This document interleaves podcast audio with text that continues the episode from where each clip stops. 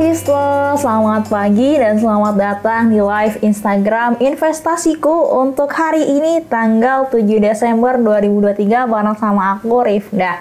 Seperti biasa, untuk live Instagram hari ini kita akan nge-review dulu bagaimana pergerakan dari bursa saham global, lalu lanjut ke bursa saham domestik dan juga kita akan ngebahas apa aja sih sentimen yang mempengaruhi pergerakan untuk bursa saham domestik ataupun bursa saham global. Baru setelah itu akan kita lanjutkan dengan spill uh, rekomendasi atau watchlist kita untuk hari ini dan barangkali kawan Visto ada hal-hal yang pengen ditanyakan mengenai saham yang udah ada di portofolio atau ataupun saham yang masih dijadiin watchlist bisa uh, kawan bisa masukkan ke kolom komentar. Nanti akan kita bahas bersama-sama di sini. Oke, okay, eh, langsung aja kita nge-review dulu bagaimana pergerakan dari bursa saham global untuk perdagangan hari kemarin tanggal 6 Desember 2023. Seperti yang kalian bisa lihat di layar, untuk bursa saham global sendiri e, bergerak cukup variatif ya, di mana untuk penutupannya sendiri e, untuk IHSG ditutup melemah 0,19 persen, dan untuk e, bursa mana aja yang ditutup melemah pada perdagangan kemarin itu ada dari Shanghai untuk dari Asianya yang melemah 0,11 persen. Dan juga dilanjutkan pelemahan dari seluruh indeks dari bursa Amerika Serikat atau Wall Street di mana untuk Dow Jones sendiri melemah 0,19 persen, lalu Nasdaq melemah 0,58 persen, dan S&P 500 melemah 0,39 persen.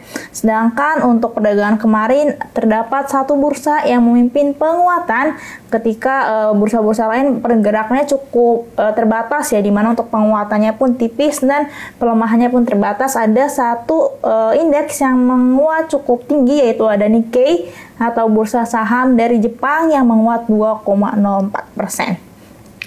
Nah, dari untuk bursa Amerika Serikat sendiri kan dari tiga indeks ini semuanya ditutup melemah ya. Kira-kira apa sih penyebab yang e, menyebabkan pergerakan dari Wall Street ini e, terkoreksi itu, terkoreksi kompak dari tiga indeks utamanya, yaitu penyebabnya karena e, terkon terkoreksinya harga saham yang bergerak di sektor energi di mana penurunan dari pergerakan saham di sektor energi ini terjadi tak lepas dari sentimen komoditas di mana untuk harga minyak mentah sendiri di pada penutupan perdagangan kemarin ditutup minus 4,07 persen untuk WTI dan untuk brandnya ditutup melemah 3,76 persen di kawan Visto. Jadi itu adalah faktor yang menyebabkan saham atau saham-saham di Amerika Serikat cenderung melemah dan menyebabkan indeks uh, Dow Jones, Nasdaq dan juga S&P 500 ditutup melemah pada perdagangan kemarin. Padahal pada kemarin itu sendiri rilis data ketenaga kerjaan yang cukup da, bagus datanya maksudnya data bagus ini adalah data yang dinanti-nanti oleh pasar di mana hal tersebut menunjukkan bahwa pasar ketenaga kerjaan di Amerika Serikat itu menunjukkan adanya pelemahan sehingga itu cukup mendukung untuk ada soft landingnya perekonomian di Amerika Serikat. Di mana untuk kemarin sendiri data ketenaga kerjaan yang rilis adalah data uh, rekrutmen dari private business di Amerika Serikat, di mana menunjukkan rekrutmen pegawai baru ini hanyalah sebanyak 103.000 pekerja di bulan November. Di mana nilai 103.000 pekerja baru itu uh, di bawah dari ekspektasi atau konsensus ya yang, mempro, yang memprediksikan berjumlah yang prediksikan berjumlah 130 ribu pekerja sehingga uh, sel selisihnya itu cukup tinggi ya antara ekspektasi dan juga aktual data yang rilisnya. Hal tersebut menyebabkan uh, menunjukkan bahwa data ketenaga kerjaan di Amerika Serikat ini melemah dan untuk besok sendiri akan rilis lagi data ketenaga kerjaan di Amerika Serikat yaitu uh, data untuk uh, continuing jobless claim dan juga initial jobless claim yang akan rilis besok. Dan misalkan besok pun data ketenaga kerjaan di Amerika Serikat menunjukkan adanya penurunan, maka itu menunjukkan bahwa ekonomi di Amerika Serikat dapat menuju ke target the Fed yaitu soft landing seperti itu. Nah, lalu tadi juga untuk yang komoditas ya, pelemahan dari harga minyak sendiri itu tak lepas dari sentimen perekonomian secara global ya, di mana untuk e, dari Amerika Serikat sendiri rilis data perubahan hmm, kapasitas perubahan stok bensin yang ada gitu. Nah, untuk EII gasoline stock di Amerika Serikat sendiri untuk periode minggu pertama di bulan Desember ini menunjukkan adanya peningkatan stok sebesar 5,4 juta barel. Nah, nilai ini merupakan e, kali lipat ya dari data yang rilis pada periode sebelumnya yang sebesar 1,7 juta barel dan juga tentunya nilai tersebut jauh di atas ekspektasi yang sebesar 1,02 juta barel. Nah, ini menunjukkan bahwa permintaan di Amerika Serikat sendiri untuk gasolin atau bensin itu cukup rendah sehingga memberikan uh, ekspektasi bahwa konsumsi uh, minyak pun nanti akan menurun sehingga hal tersebut menyebabkan adanya penurunan harga komoditas minyak. Selain dari penyebabnya demand, potensi demand dari Amerika Serikat, potensi demand dari China pun menjadi salah satu faktor yang menyebabkan harga minyak ditutup melemah pada perdagangan kemarin. Nah, untuk China sendiri uh, sentimen yang ada adalah Moody's atau lembaga pemeringkatan rating memberikan prospek penurunan rating untuk China di mana dari yang sebelumnya uh, sebelumnya netral menjadi negatif yang menunjukkan adanya potensi uh, outlook yang cukup uh, tidak uh, outlook yang tidak cukup diinginkan oleh market itu di uh, Moody's melihat tersebut akan terjadi di China sehingga rating dari China tersebut diberikan dan hal tersebut tentunya akan memberikan dampak terhadap penurunan demand terhadap uh, komoditas minyak karena China sendiri merupakan salah satu uh, konsumen terbesar untuk minyak dunia. Jadi itu adalah sentimen-sentimen yang ada di global dan juga di Amerika Serikat. Lalu bagaimana untuk pergerakan dari bursa domestik atau IHSG pada perdagangan kemarin? Jadi untuk perdagangan kemarin bisa kawan Visto lihat di layar kalau IHSG ini ditutup melemah di level 7087 atau melemah 0,19 persen. Di mana untuk pergerakan IHSG sendiri pada perdagangan kemarin cukup volatile ya, di mana dibuka di zona merah lalu e, cukup bertahan di zona hijau namun hingga mencapai closing itu terdapat adanya tekanan sehingga IHSG pun ditutup melemah pada perdagangan kemarin di level 7087 atau melemah 0,19%. Di mana kalau misalkan secara sektoral secara sektoral itu yang menyebabkan uh, atau sektor yang mengalami kon mengalami koreksi terdalam pada perdagangan kemarin itu ada sektor teknologi, di mana sektor teknologi sendiri melemah 2,99 persen, kemudian diikuti oleh sektor properti yang melemah 1,36 persen. Setelah itu ada sektor finance atau keuangan yang melemah 0,73 persen dan sektor industrial yang melemah 0,76 persen. Ketika sektor-sektor mayoritas itu melemah, ada tiga sektor yang memimpin penguatan pada perdagangan kemarin, yaitu untuk sektor infrastruktur yang menguat di, di menguat sebesar 2,83 persen, kemudian sektor basic industry menguat 2,78 persen, dan sektor healthcare atau sektor kesehatan yang menguat 0,39 persen. Sedangkan untuk uh, saham yang mendorong atau yang menyebabkan memberatkan pergerakan dari IHSG sehingga IHSG ditutup koreksi pada perdagangan kemarin adalah Goto yang merupakan sektor teknologi itu ditutup melemah 8,91 persen. Lalu ada Bank BR, Bank Mandiri yang melemah 2,93 persen dan Bank BCA yang melemah 1,12 persen. Sedangkan untuk yang menjadi penahan atau leaders dari pergerakan IHSG sendiri ada BRPT yang menguat 24,76 persen, Brand menguat 5,49 persen, dan TPIA yang menguat 9,78 persen. Jadi itu adalah eh, sektor-sektor yang menjadi penggerak dan juga yang memberatkan pergerakan dari HSG pada perdagangan kemarin. Sedangkan kalau kita lihat dari sisi uh, foreign investor itu mencatatkan net sale sebesar 624 miliar. Di mana untuk saham yang paling banyak dilakukan aksi jual itu adalah BMRI, Goto dan juga B BRI. Jadi itu adalah review kita untuk pergerakan dari uh, IHSG Eh, sebagai mm, bursa domestik dan juga dari bursa global dan juga dari sentimen-sentimen yang ada di global dan juga domestik. Lalu berikutnya kita akan melihat bagaimana uh, proyeksi untuk pergerakan atau IHSG untuk hari ini.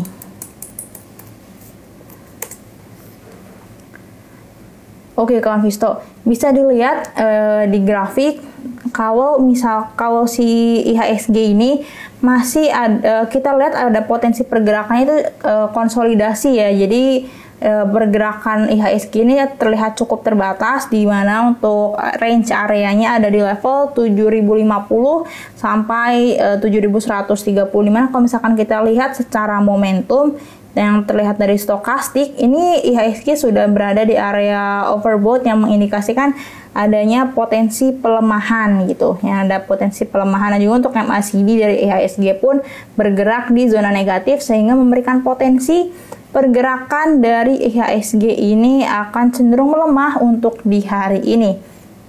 Mana supportnya ada di level 7050 dan resistnya ada di level 7130 jadi itu untuk outlook IHSG-nya. Lalu kita berlanjut ke uh, rekomendasi atau saham-saham yang kita watchlist untuk hari ini. Yang pertama adalah Excel.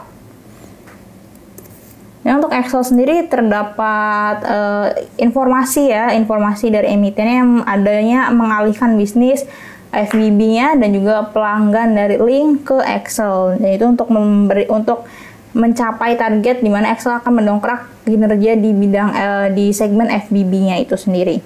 Nah, kalau Excel sendiri bagaimana pergerakannya secara teknikal? Nah, secara teknikal bisa dilihat Excel untuk uh, di candlestick-nya pada perdagangan kemarin dia berhasil membring out uh, dua MA jangka pendeknya yaitu MA5 dan juga MA20 pada perdagangan kemarin berhasil di breakout.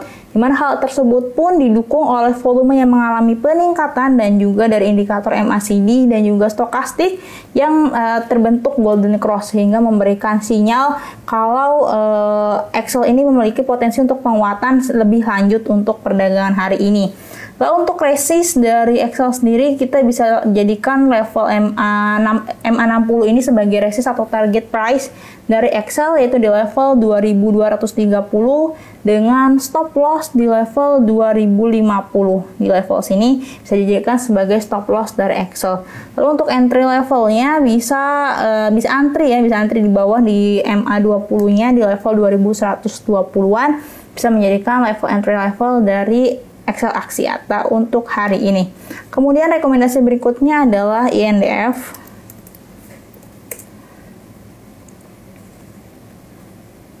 Nah, INDF sendiri uh, pergerakannya pada perdagangan kemarin sempat mencoba untuk membreakout MA60-nya yaitu di level 6600 namun uh, terdapat tekanan ketika pergerakan tersebut sehingga uh, walaupun tetap uh, walaupun ditutup di zona hijau namun e, pergerakannya cukup terbatas ya hanya menguat 0,39% pada perdagangan kemarin. Nah, tapi kalau misalkan kita lihat INDF sendiri dari MA-nya, MA jangka pendeknya kalau kita zoom itu membentuk uh, golden cross yang mengindikasikan adanya potensi penguatan. Dan selain itu kalau misalkan kita lihat dari MACD itu terlihat bahwa MACD-nya selama dua hari terakhir itu bergerak di slope uh, positif. Sehingga ini cukup positif untuk INDF secara teknikalnya. Di mana untuk pergerakan dari hari ini kita lihat uh, akan cukup terbatas di level MA60-nya di level uh, penguatannya ke 6600 di mana stop loss-nya ada di MA jangka pendeknya yaitu di level 6400 bagi INDF. Kemudian uh, rekomendasi berikutnya adalah Telkom. Oke, jadi untuk Telkom sendiri pada perdagangan kemarin dibuka gap up ya, lawan Vista dibuka gap up. Namun bisa kita lihat untuk volume dari Telkom sendiri mengalami peningkatan yang cukup signifikan ya, walaupun, eh, walaupun dibuka gap up sehingga uh, terlihat masih ada potensi penguatan terlebih dahulu sebelum uh, mengalami pullback ke bawah seperti itu. Nah untuk Telkom sendiri, uh, kalau misalkan kita ubah ya se untuk indikatornya moving average-nya kita ubah menjadi moving average yang panjang yaitu 200 dia itu telah berhasil membreakout MA 200-nya itu MA jangka panjangnya sehingga bisa kita bisa kita nilai bahwa gap up yang terjadi pada Telkom di perdagangan kemarin ini perdagangan kemarin ini cukup kuat di mana untuk pelemahannya sendiri itu tertahan di MA MA 200 Nah, itu memberikan uh, sinyal kalau Telkom masih ada potensi penguatan lagi. Nah, di mana untuk uh, target price dari Telkom sendiri ada di level 4100. Nah, di sini karena sebelumnya pun uh, Telkom terdapat gap down yang belum terisi nih kawan Visto. Nah, sehingga masih ada potensi untuk uh, Telkom bergerak menguat menutup gap down yang sebelumnya terjadi dan belum tertutup itu. Nah, untuk stop loss dari Telkom sendiri bisa di set untuk di level 3800 uh, 3790 di area sini bisa dijadikan sebagai area stop loss untuk Telkom. Lalu untuk rekomendasi berikutnya adalah TPIA.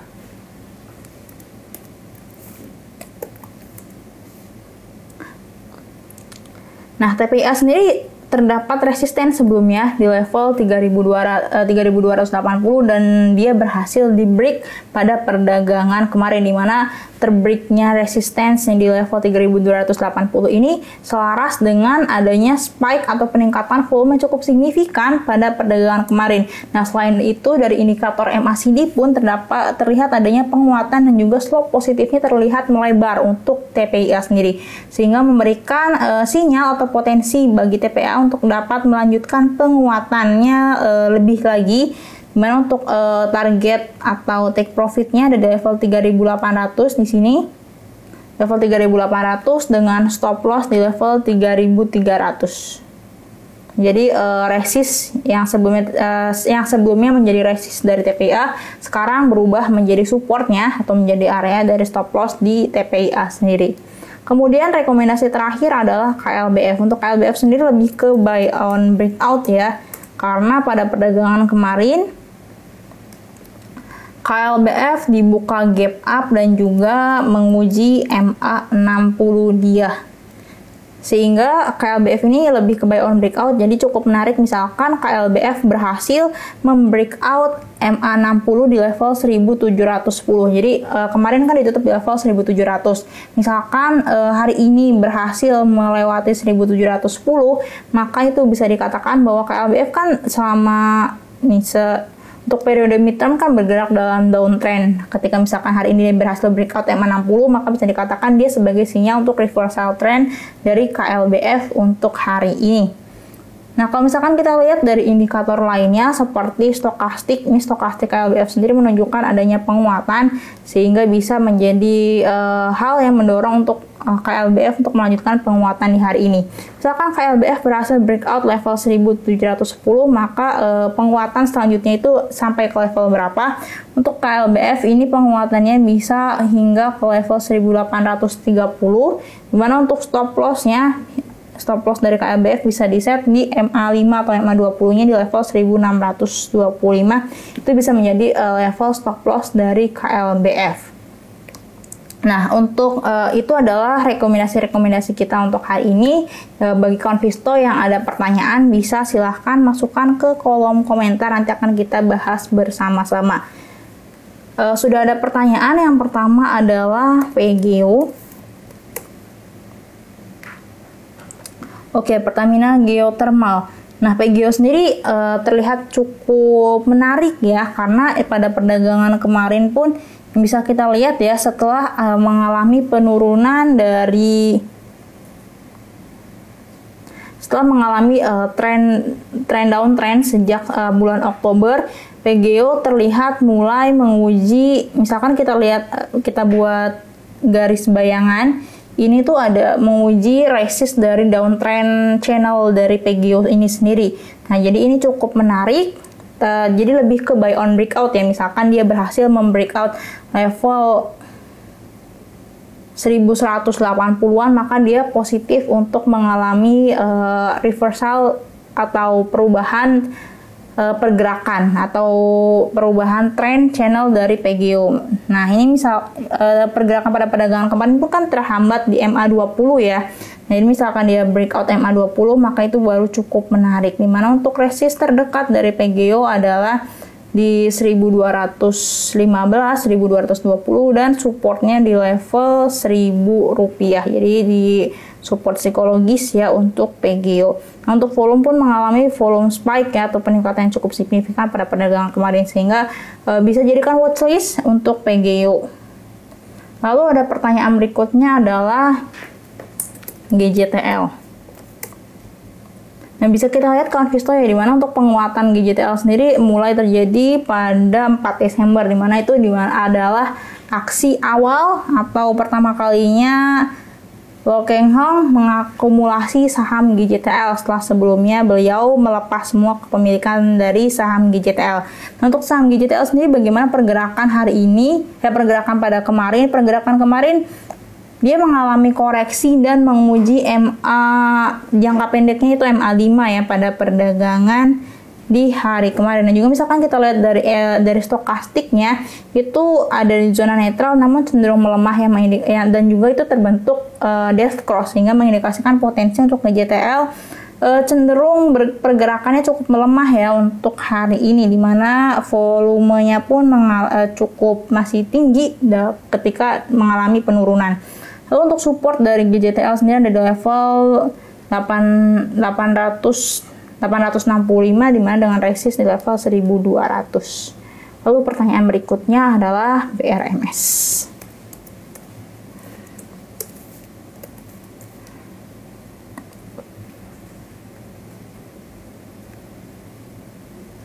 Oke, BRMS ya. BRMS kan bergerak di bidang atau di, dalam produksi emas di mana harga emas sendiri beberapa belakangan ini cenderung uh, rebound di mana untuk hari ini sendiri per, per penutupan kemarin itu harga emas ditutup 0,30 persen penguatannya. Namun bagaimana untuk pergerakan dari saham BRMS sendiri? Saham BRMS sendiri kemarin melemah di area support dia di level 198 di mana untuk secara indikator secara MACD itu terlihat masih ada potensi untuk pelemahan dan untuk stokastik pun menunjukkan dia uh, cenderung adanya melemah gitu ya pergerakan dari stokastiknya. Nah uh, untuk dari candle pun ini menunjukkan bahwa menuju closing BRMS terdapat tekanan untuk penjualan sehingga masih terlihat adanya potensi untuk pelemahan lebih lanjut di mana untuk support dari BRMS ada di level 195 dan misalkan dia bertahan di area support sini maka barulah di situ ada potensi untuk rebound dengan resisten di level 200. Kemudian pertanyaan berikutnya adalah era. Era Jaya, Era Jaya sendiri salah satu saham yang uh, bisa mendapatkan sentimen untuk di akhir tahun ya, di mana untuk di akhir tahun sendiri uh, konsumtif uh, konsumsi masyarakat itu cenderung meningkat dan di mana salah satunya Era pun akan berpotensi uh, mengalami peningkatan kunjungan pada di akhir tahun. Lalu bagaimana untuk pergerakannya secara teknikalnya? Nah, secara teknikal Era terbentuk uh, terlihat bahwa ini terdapat tiga candle merah berturut-turut yang walaupun tidak sempurna ini bisa dikatakan sebagai evening star yang mengindikasikan adanya potensi penurunan lebih lanjut di mana untuk support dari era itu ada di level 354 dan untuk resistnya ada di level 394 sampai 400 karena di resist area sini ini era sebelumnya sempat mengalami gap down ya dan ini masih belum tertutup sehingga masih ada potensi uh, gap ini akan bisa tertutup mungkin setelah uh, era pullback terlebih dahulu untuk uh, mengisi energinya dan bergerak untuk menguat menutup gap yang sempat terbentuk di awal November tahun ini. Lalu pertanyaan berikutnya adalah Barito Pasifik. Nah, untuk Barito Pasifik sendiri e, bisa kita gambar BRPT ini terbentuk double bottom untuk uh, chart pattern dari BRPT. Nah, kalau double bottom sendiri kan indikasinya ya, indikasinya itu adalah dia akan berpotensi untuk bergerak menguat sedalam sedalam uh, bottom yang terbentuk pada uh, pattern channel dia. Nah, kalau misalkan BRPT sendiri bagaimana untuk potensi penguatannya kira-kira sampai ke level mana? Secara teknikal, BRPT masih terlihat eh, penguatan pada perdagangan kemarin itu masih belum mencapai resist yang seharusnya ada berdasarkan pattern double bottomnya di mana ada di level 1385 dan untuk volume spike kemarin pun cukup tinggi ya peningkatan volume cukup signifikan. Sehingga kalau misalkan BRPT berha, eh, BRPT ini terlihat masih ada potensi untuk penguatan dengan resist di level 1385 dan kalau misalkan kita lihat presentasenya dari closing kemarin itu berapa persen? Dari closing kemarin menuju ada potensi 5,70% menuju resist dari double bottom yang terbentuk dari BRPT. Kemudian pertanyaan berikutnya adalah PTRO. Oke, PTRO kemarin terbentuk uh, Marbozu ya, terbentuk Marbozu di mana setelah per, terbentuknya Marbozu ini terbentuk setelah terbentuk uh, gap up yang ada di PTRO. Untuk PTRO sendiri penguatannya tak lepas dari uh, sentimen korporasi yang dilakukan oleh PTRO. Kemudian untuk resistnya bagaimana untuk Oke. Okay.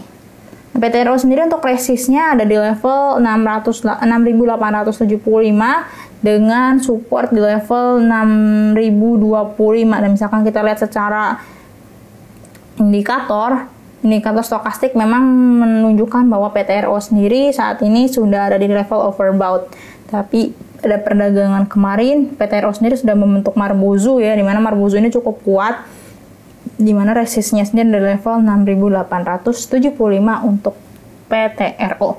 Jadi itu adalah uh, review kita untuk pertanyaan kawan Visto.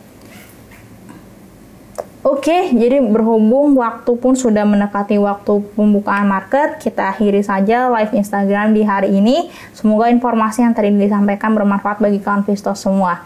Dan kita akan bertemu lagi pada besok with investasiku for better tomorrow.